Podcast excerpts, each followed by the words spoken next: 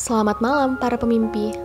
Sebelum kau menutup matamu, kau harus ingat bahwa hidup tidaklah untuk memenuhi ekspektasi orang lain, bukan pula untuk mendapatkan penghargaan dari semua orang di sekelilingmu. Kaulah yang paling mengenali dirimu sendiri.